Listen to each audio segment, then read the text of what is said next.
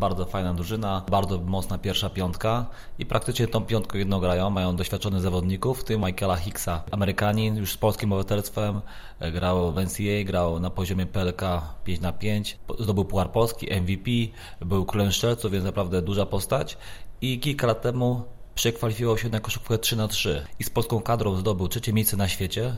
Został wybrany do tej najlepszej trójki, trafiał niesamowite rzuty, no i zapewnił nam medal i historyczne miejsce na Igrzyskach w Pekinie, gdzie byli w ósemce najlepszych drużyn na świecie, więc naprawdę to są wielkie rzeczy.